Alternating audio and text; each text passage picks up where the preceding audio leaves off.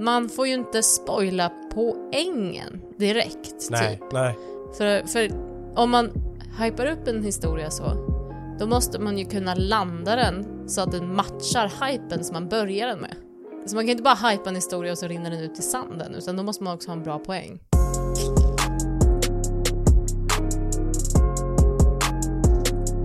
Hej och välkomna tillbaka till ett nytt avsnitt av Tanke till handling med mig, Filip.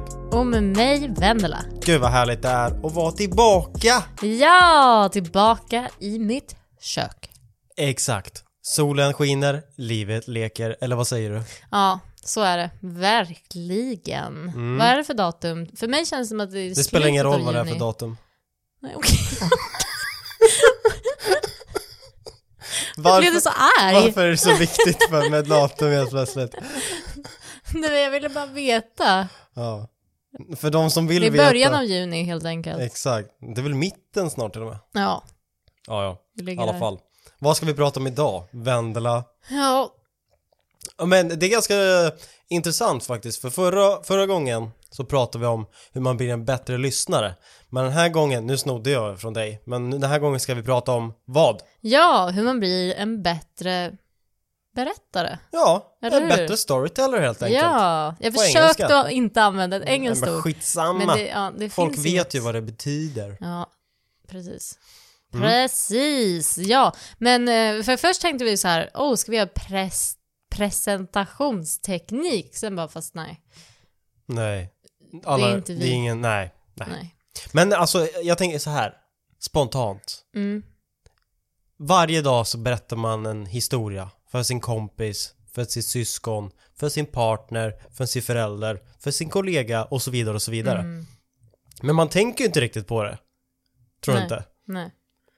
Och man tänker inte riktigt på hur man brukar berätta tror jag. Så vardagliga historier. Och det Nej. är någonting man kan bli bättre på, tror jag. Mm. Absolut, det tror jag också. Tror att det, jag tror att det ligger lite skillnad i hur man berättar en historia beroende på vem man berättar den till. Ja. Eller hur? Jag kan tänka mig att det är en... Vad tänker En- du på då? Men jag tänker så här...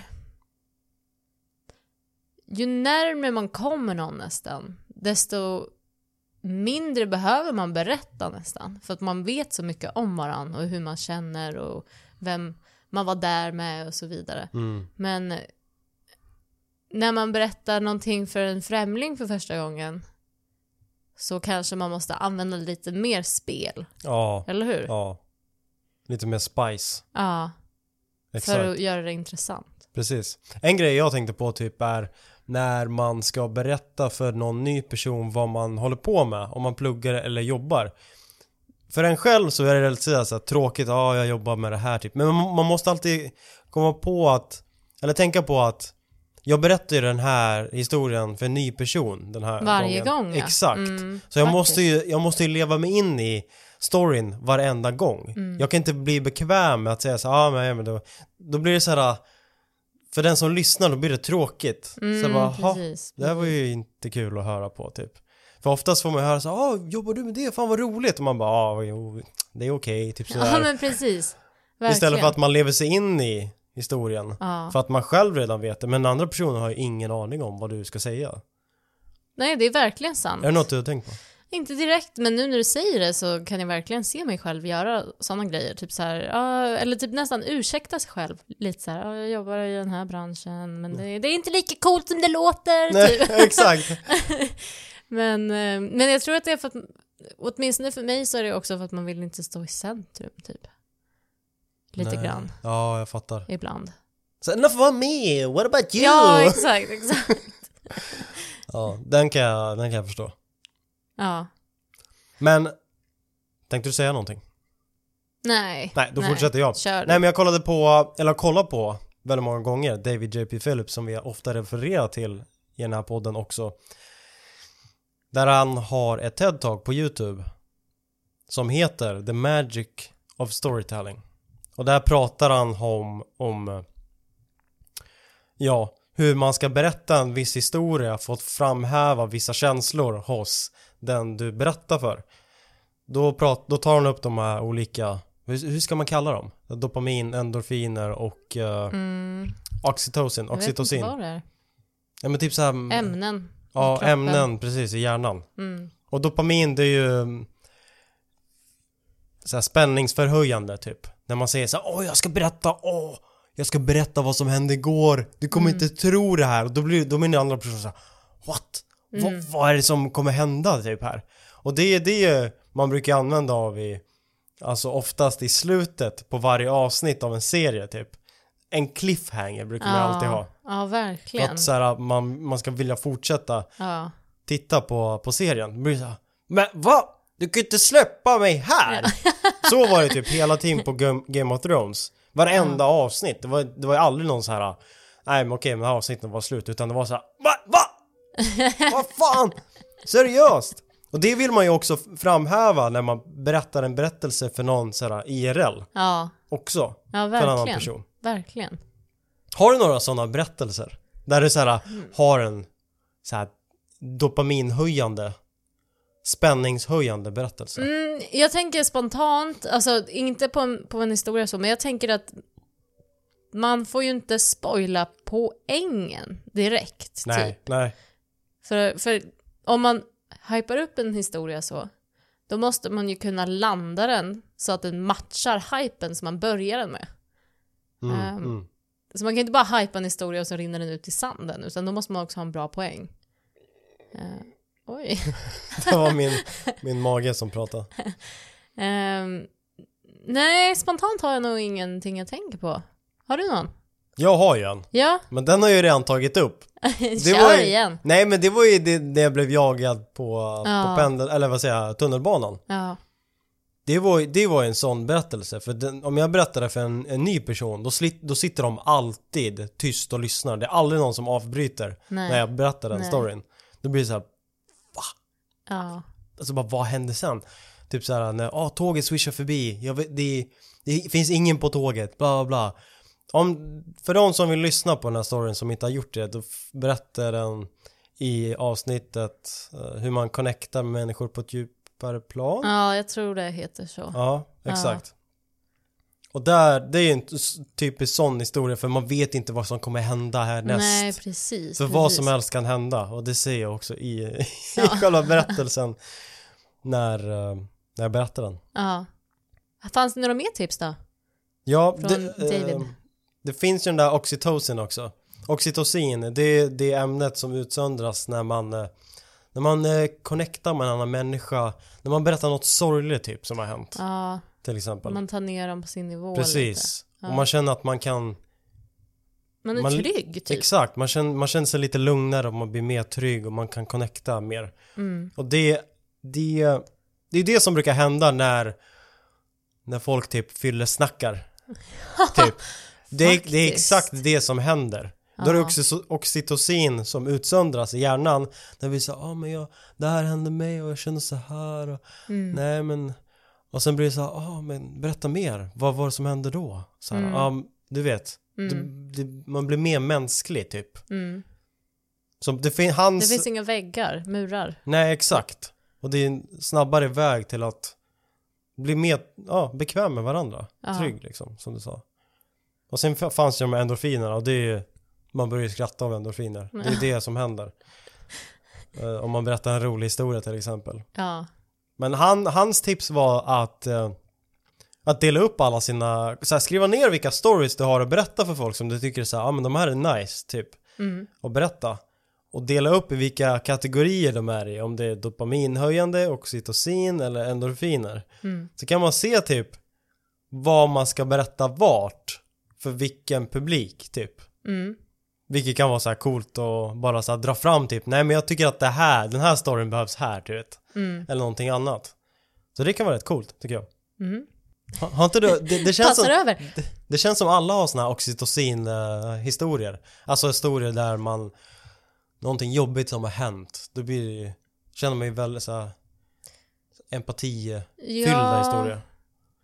det är klart man har. Ja. Ehm, men eh, man får ju välja vem man berättar det med, Mm, helt enkelt. mm. Det beror ju på om man vill ta sig närmare en person eller inte.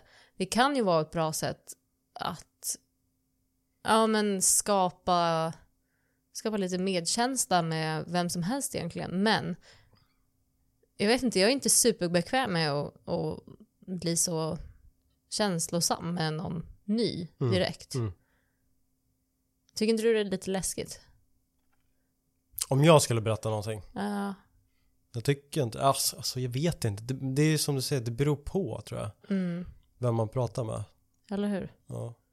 Men det kommer ju ofta naturligt, det är ju Ja, så. Jag tänker så här att det här med att skriva ner stories, det läste jag också på flera ställen. eh, att, att det kan vara bra eh, för, för att öva, speciellt för introverta människor som kanske inte, det kommer inte naturligt att berätta en berättelse eller inlevelse. Mm. Men att repetera storyn till olika folk och vara lyhörd på hur folk reagerar får dig att kunna berätta historier generellt bättre. Om, man, om, typ så här, om du berättar en, en historia och ser vart folk reagerar, då håll, behåller du ju den delen och sen om storyn kanske blev lite lång, då märker du ju det och då kan du göra den bättre nästa gång. Mm. Ah, så man filar på... Ja, Ah, Precis. okej. Och ehm, men plus att det, då kan man ju använda man kan ju se ett mönster i sig själv. Jag tänker för mig personligen så kan mina stories bli lite platta för att jag inte går in på detalj för att jag är så medveten om att nu tar jag plats. Mhm. Att jag lämnar ut det ganska mycket då, bara för att jag vill ruscha på hela storyn för att jag inte vill att folk ska titta på mig. Mhm. Ehm, Men om det är någon som har frågat dig då? Alltså så här, kan du berätta om det här? Då har de ju ändå gett dig plats, eller hur? Ja men nej, det har ju inte med det att göra. Det, det är för att jag är blyg typ. Ja, okej. Att jag bara, jag gillar inte när, jag tycker det är obehagligt nästan när andra människor lyssnar djupt på mig. Mhm. Ibland, inte alltid, men framförallt i grupp. Eh, och, och, och, men det är ju bra att veta så om sig själv. Hur man är som en storyteller. Det lärde jag mig den här veckan när jag gjorde research i alla fall. Att så här, fan, det här stället skulle jag kunna bli bättre på. Och för någon annan person kanske det är att de tar alldeles för långa stories, håller inne alldeles för mycket detaljer. För egentligen är inte detaljerna så intressanta. Det som är intressant är ju kanske hur man kände när man gick igenom storyn och, och lämnade in sådana grejer. Inte så här, klockan var tre Mm. och eh, den här personen med väldigt specifikt namn kom hit, alltså, för det kommer man, ju glömma ändå. Ja, exakt. För man vill ju, när man återberättar historien, då vill man ju att den andra personen ska känna ungefär Precis, likadant som du precis. kände då. Ja, och det var ett exempel de tog upp, det var typ så här, säg att du ska berätta om någonting som hände på en fest. Då kan man ju så här, ja, jag var på den här festen och så sätter man modet lite så här, ja, jag var där, eh, det var en klassåterträff, det kändes lite konstigt för vi hade inte träffat varandra på länge. Jag kände egentligen bara en, två där kanske. För då har man ju, då får man ju personen som man pratar med och känna samma känsla som att den också är själv på en fest. Att man förklarar hur man känner snarare än typ så här, åh jag var på en fest och typ, sen kom den här personen. Ehm, för det bryr man sig inte om. Nej. Det handlar ju lite, det är nästan som att skriva, man måste så här, sä- sätta Mm. scenen lite. Mm. Eh, och jag tror att man måste vara uppmärksam på saker som också händer i sitt liv mer. Vara uppmärksam på detaljer och roliga små stories. Mm. För då har man ju små roliga grejer att komma med. Det behöver inte vara något stort. Ja. Nej, exakt. Förlåt, jag börjar skratta nu för jag kommer att tänka på när du sa så här små vardagliga saker som händer. Ja, Ska, får jag berätta det? Det hände någonting jobbigt i morse. Ja jag, vet, jag vet inte vad det är. Nej. Ja. Det är så jävla korkat. För igår så tog jag och knöt ihop min kompost, la den på min balkong. För jag tänkte att ja, men jag ska slänga den i, Jag ska slänga den innan jag går och lägger mig ikväll. Ja. För det är Ja, bara skönt att få det gjort. Tror du inte jag glömmer det här? Sen när jag vaknade i morse, jag, för det första så hade jag glömt att sätta mitt alarm dagen på. Så jag tänkte, vaknade upp så här bara, vad fan? Jag känner mig så här extra utvilad, vad är det som är fel? Liksom. så jag kollade på klockan, bara halv tio, jag bara, ah, jag glömde sätta alarmet. Skitsamma, jag gick upp, kollade på balkongen. tror inte min kompostpåse är typ helt söndertrasad och typ utspridd över hela balkongen. Jag bara... Och jag står där och tänker... Varför? Varför kom du inte ihåg att slänga komposten igår? Ja. Alltså det var en fågel som hade massa, hur säger man? Mördat den här påsen, det var Ja. bananskal och äggskal och potatisskal överallt och jag bara tänkte så här, så här, det är inte det man vill se direkt på Nej. morgonen och man bara åh. Så det första jag gjorde bara öppna balkongen, sen står ute i kallingar på balkongen. För är det någon på andra sidan byggnaden som bara sä- säkert kollar på mig och bara what the fuck vad håller han på med? Paniken. Börjar plocka ihop allting.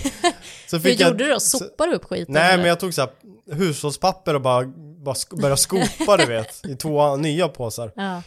Okej, det var klart. Jättehärligt. Den, den skiten var jag överstökad. Sen när jag skulle fixa min gröt. Jag brukar ha chiafrön i min gröt. Mm. Fixa med chiafrön, häller i havregryn först och sen chiafrön och sen känner jag att det, det slinter lite med fingrarna. Tror inte jag det vickar den rätt över, alltså kanten och rätt ner på golvet. Och det är samma sak, jag bara varför?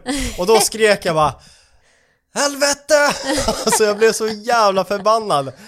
Och tänkte bara varför? För chiafrön är ju så jävla små. ja, absolut. Det är Jag- bra att dammsuga upp. Och mina fötter var så här lite så varma och svettiga så de så fastnade mellan mina tår och jag bara försökte vicka undan jag bara Nej Nej. de här sitter här så, så jag traskade iväg till, rulla typ. Och...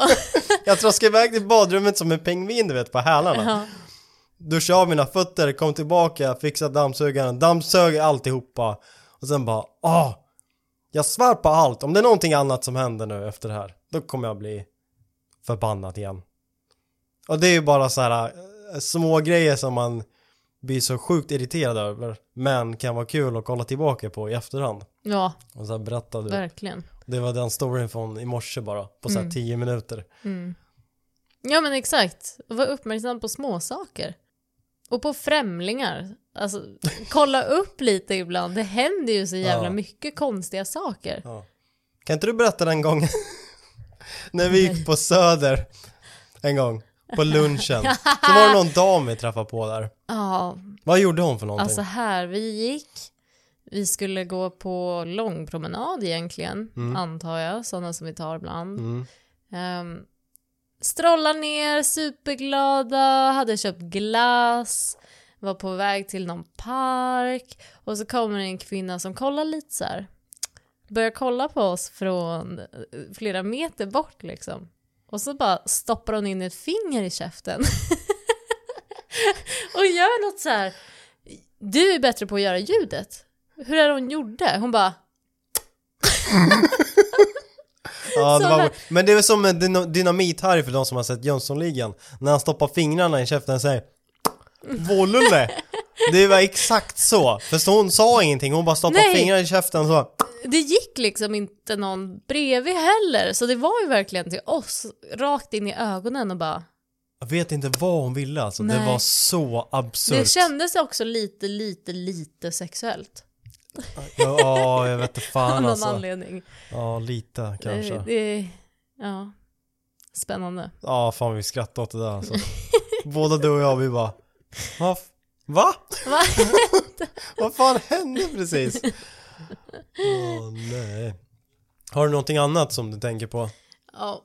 ja, men jag tror att en av de absolut viktigaste grejerna är att inte låta monoton. Att faktiskt vara exalterad när du behöver vara exalterad. Det är som en kroppsspråk. Rösten är också en slags muskel kan man väl säga. Att du, du får använda den som... Mycket sitter ju i tonen. Och på engelska heter det ju vocal range. Att du kan gå från väldigt högt till väldigt lågt. Och det gäller att använda det på rätt ställen. Det absolut tråkigaste som finns det är ju när någon berättar en historia och inte är taggad om den Mm. själv. Eller, eller hur? Man måste ju vara taggad själv för att få den andra personen att bli taggad. Bara, du vill ju inte berätta den här historien för mig så varför, varför ska jag lyssna för då? Ja men precis, precis. Och, och det, alltså hellre lyssnar man ju på något som är ganska tråkigt. med någon som är supertaggad Ja, än nå- något som är ganska kul med nå- någon som är tråkig röst. exakt. Det här händer ju typ hela tiden. Jag vet inte hur det var för dig eller hur ofta du upplevt det. Men typ lärare, Mm, så föreläsare som bara ja ah, men det här sen gör vi det här och nej men den här hände sen och sen ska man göra du, du frammanar inte känslor hos din publik Nej. Det är så vi lär oss också, det är så vi kommer ihåg saker, alltså från känslor. Jag kommer ihåg den gången jag blev kär och jag minns hur det kändes. Ja, Från precis. jättelänge sedan, men det är för att det känslan sitter kvar. Ja, När om inte du framhäver någon känsla hos din publik, då kommer inte de min minnas ett skvatt. nej, nej. Ingenting. Verkligen. Nej, absolut inte. Och jag önskar, förlåt. nej, Ja. kör, kör. Jag, bara- jag bara önskar att fler kunde liksom lära sig mer om det när de gör det så pass mycket. Det, det är din, det är ditt jobb att stå Ja, och faktiskt. så, här, hålla föredrag om just det här ämnet. Gör det till en kul grej åtminstone. Ja, Sen visst, alla är inte så här, jättepå och eh, extroverta och så här, roliga du vet. Men man kan ju träna sig till det. Bara för att man antar att man är på ett visst sätt behöver, behöver inte betyda att man alltid behöver vara så. Man behöver inte heller vara rolig, utan man kan använda sin röst på helt olika sätt. Jag hade en, en lärare på universitetet som han, han lärde ut världshistoria. Men han var så här. Man, man fick respekt för honom för han pratade långsamt och han pratade, han visste så himla otroligt cool, alltså så här intressanta fakta.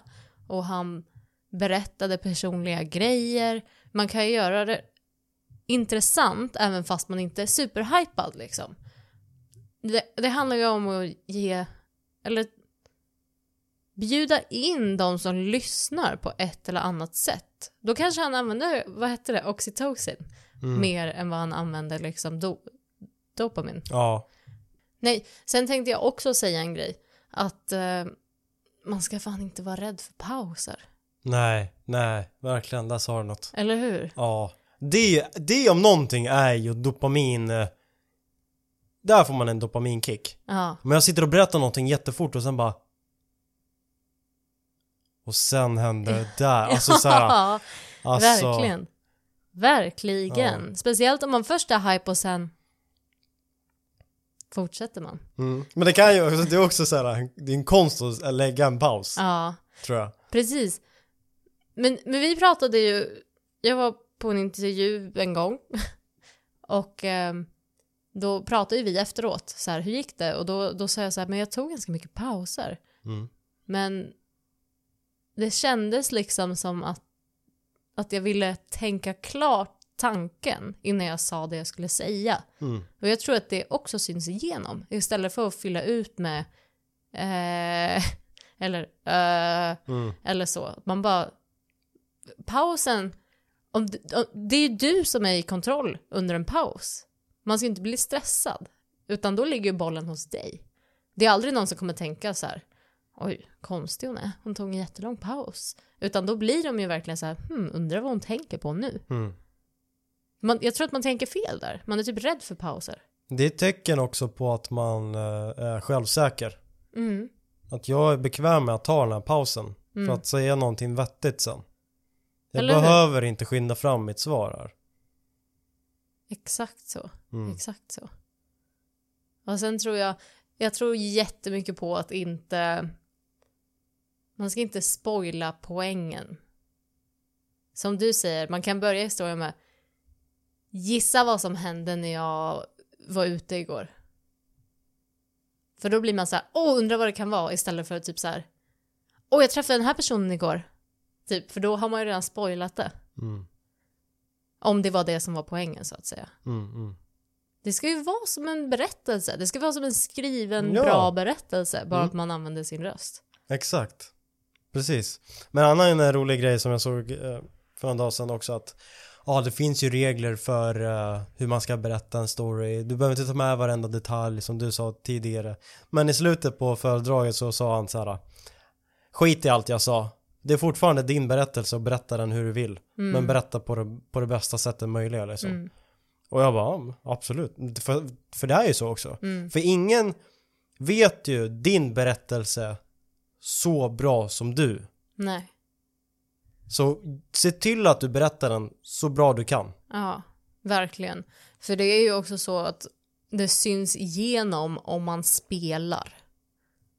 Om man försöker för mycket liksom. Mm. Då blir man ju bara så här. Då spelar ju någon teater. Det blir Fast det, det kanske är lite teater för dem. Ja, Jag, kan, jag brukar tänka sådär ibland. Alltså för att liksom framhäva det som händer, eller hände i storyn. Att man blir lite såhär teatrisk. Ja. Men jag är ju sån också. Jag, jag Ja. viftar ju väldigt mycket med händerna och använder mycket mikrospråk när jag pratar. mm. Men det går att öva sig till, eller hur? Ja, ja. Ja. Rör på er. Rör på. Det är det. Stig upp, gå, rör på er. Exakt. En annan intressant eh, grej som eh, David J.P. Phillips tog upp i sitt föredrag är att han eh, berättade om en journalist som skulle göra ett experiment och se vad man kunde göra med storytelling. Så köpte han grejer på Amazon för 200 dollar och sen frågade han 200 författare om de kunde lägga en liten story bakom varje föremål han hade köpt och sen Mm. skulle återsälja. Då sa alla 200 ja, vi går med på det. Och det visar sig att ett föremål blir mer värt när det finns en story bakom. Mm. Så de 200 spännen, spännen, kronorna, eller dollar fan var det till och med. De 200 dollar blev 8000 dollar till slut när han återsålde Mm. alla de föremålen fast med en liten text under. Mm. Vilket är helt sjukt. Ja, faktiskt. Vilket jag kom att tänka på en gång när jag faktiskt själv gjorde så. Och det var innan jag hade kollat på det. Det var jag skulle sälja min, eh, min gamla gamingskärm som är så här snabb för så Counter-Strike och sånt. Hög frekvens, ja 144 Hz för den som har, vet någonting. Men så tänkte jag så här, vad ska jag göra? Ja, Jag tycker alla annonser som jag har sett tidigare, de är så jävla tråkiga. Så jag skriver någonting lite roligare för att se om det, om jag kommer sälja den snabbare. Då skrev jag så här. Hej! Säljer min nuvarande e-sportklassade gamingskärm för att jag inte spelar längre och vill att den hittar ett nytt hem där nya HS kan skjutas runt hörnen på The Dust 2. HS är alltså headshots och The Dust 2 är en bana på CS. Ja. Och sen- Bästa banan också. Ja, den är bra. Den är riktigt bra.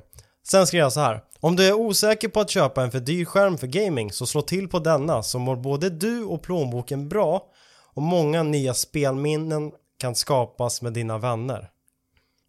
Så Verkligen. Bara, så jag bara, fan, det här, det här var ju ändå rätt okej text, liksom.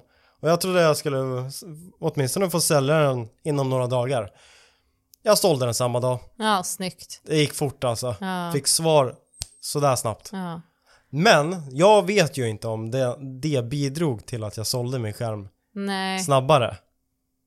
Nej, men mm, det, det står ju ut lite. Exakt, men Alltså- jag kan ju tänka mig hos köparen bara ah fan vad nice. Mm. Så här, spela CS med kompisarna typ. Då tänkte ju han på det. Då fick Mm. ju han upp en känsla. Ja. Kan vara så, nu spekulerar jag. Och jag vill hoppas att det var så. Men, eh, ja, men det låter inte omöjligt. men det är, det är ju så. Allt annat Alltså, är ju så här. skärm 15 000, hämta idag. Typ. mm. Exakt. Så det, det var ganska kul. Jag satt och eh, sökte på mina gamla mail, det här var så här två år sedan. Jag bara, jag måste hitta den här texten. Din annons är borttagen. Fan också! Sök vidare. Ja.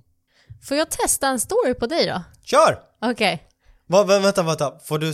Eller ska du inte säga någonting? Ska du bara köra? jag, jag kör nu. Ja, kör, kör, kör. Nu, nu, nu spikar jag mitt dopamin. hur? Jag bara, vad fan händer nu?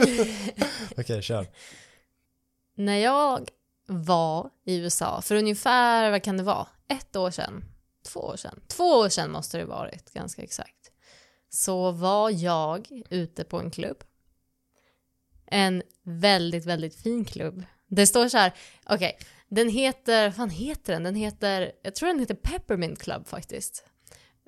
Utanför, när vi kommer dit, man kommer dit tillsammans med mina kompisar, jag kommer dit med en promoter som det heter. Vet du vad en promoter är? Alltså, det, det låter som att... Äh, jag kan ju tänka mig Ja. det är.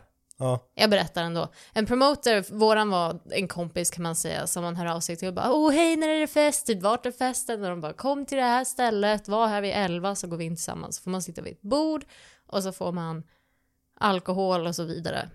Tyvärr oftast bara för tjejer. så, Det är den. Ja, det är supersexistiskt verkligen. Men eh, någonting bra ska vi väl få. jag skojar. Men eh, så vi kommer vid 11. Utanför står det jättefina bilar. Finare bilar har jag aldrig sett. Det är så här Lamborghini. Det är någonting med Lamborghinis, är det inte? Det ser ut som en bil från framtiden typ. Lite. Eller ja, hur? Ja. Det står flera sådana, vi går in och det är inte musik. Det är en trummis som spelar musik live till typ ett backbeat. Jag har aldrig hört något liknande innan. Men det är så bra verkligen. Så vi har kul och sen tappar jag bort mina kompisar ett tag. Så jag går till baren och står där och hänger. Det är ganska mycket folk så att eh, det, det, det tar ett tag innan man får beställa. Men eh, så kom mina kompisar tillbaka och bara Gissa vem vi precis såg? Jag bara Jag vet inte, för grejen är det att det, man brukar alltid säga att det är Chris Browns födelsedag. Det är typ så de lockar in folk. De bara “Chris Brown's been here, it's his birthday”. Um, så jag tänkte jag bara Chris Brown kanske, de bara “Nej, Justin Bieber”. Är det sant? Och jag bara, ja eller hur, det brukar folk också säga bara, oh, Justin Bieber kan vara här ibland, typ. Det är typ alltid bullshit. Så jag bara, ah, ni måste ju sett fel. Och så går det ett litet tag och så kommer Justin Bieber mot oss. Det är trångt.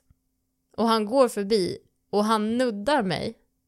Och jag känner på hans tröja, det känns som ett lapptäcke. Okej. Och sen så eh, visade sig att det är hans trummis som står och trummar på scen liksom. Mhm. Så det var hans kväll där. Och eh, eh, det roliga var att han satt, han satt i lite av ett avskärmat ställe med en livvakt efter ett tag och bara så här den här personen vill jag prata med så fick den personen gå in och prata med honom själv i princip. Ehm, Men vadå, var det så här randoms eller? Bara han, folk Ja. kan peka ut eller? Ja. Okej. framförallt eh, servitriser var det mest. Alla såg ut som Selena Gomez.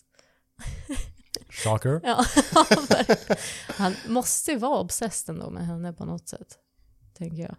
Nu är han gift i och för sig. Ja. Ja, så det var gången jag träffade Justin Bieber. Träffa. Han gick in i mig. Snudda. Snudda vid Justin Bieber. Justin Biebers. Justin Biebers lapptäcke. Ja, Ja. så det kan jag skriva på min lista. Nuddat Justin Bieber. Mm.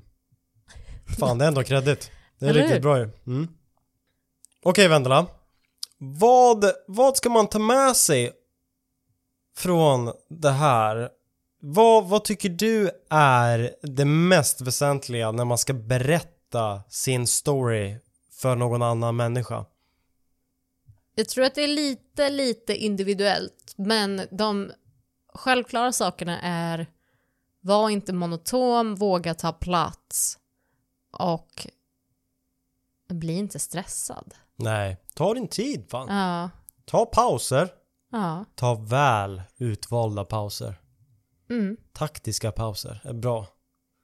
Och försök framhäva så mycket, eller samma känsla som du upplevde hos den andra personen. ja men precis. Var inte rädd för att berätta lite mer än vad du tror är nödvändigt. Mm, mm. Eller hur?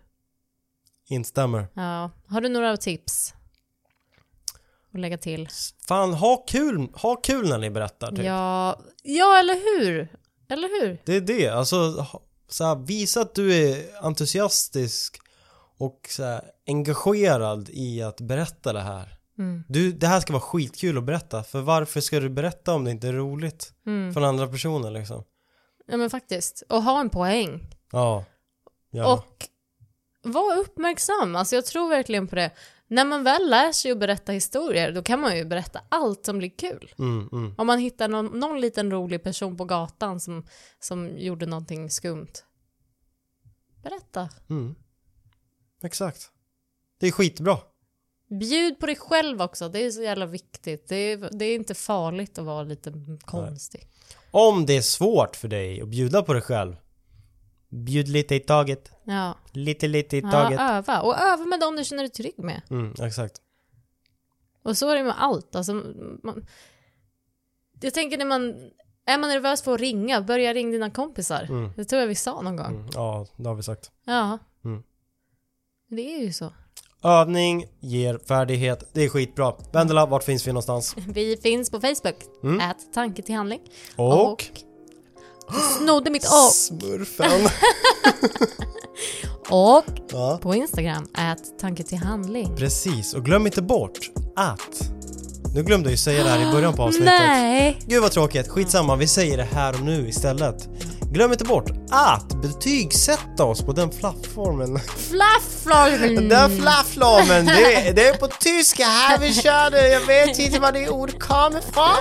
Men den plattformen ni lyssnar på får ni jättegärna sätta fem stjärnor eller vad fan vad som helst vad man kan sätta någonstans. Jag vet betyg, inte. Något slags betyg. Exakt. Okej, I'm out of breath. Ja. Tusen tack för att ni har lyssnat på det här avsnittet. Så syns vi och hörs vi Ja. nästa vecka. Det gör vi. Ja, hej då!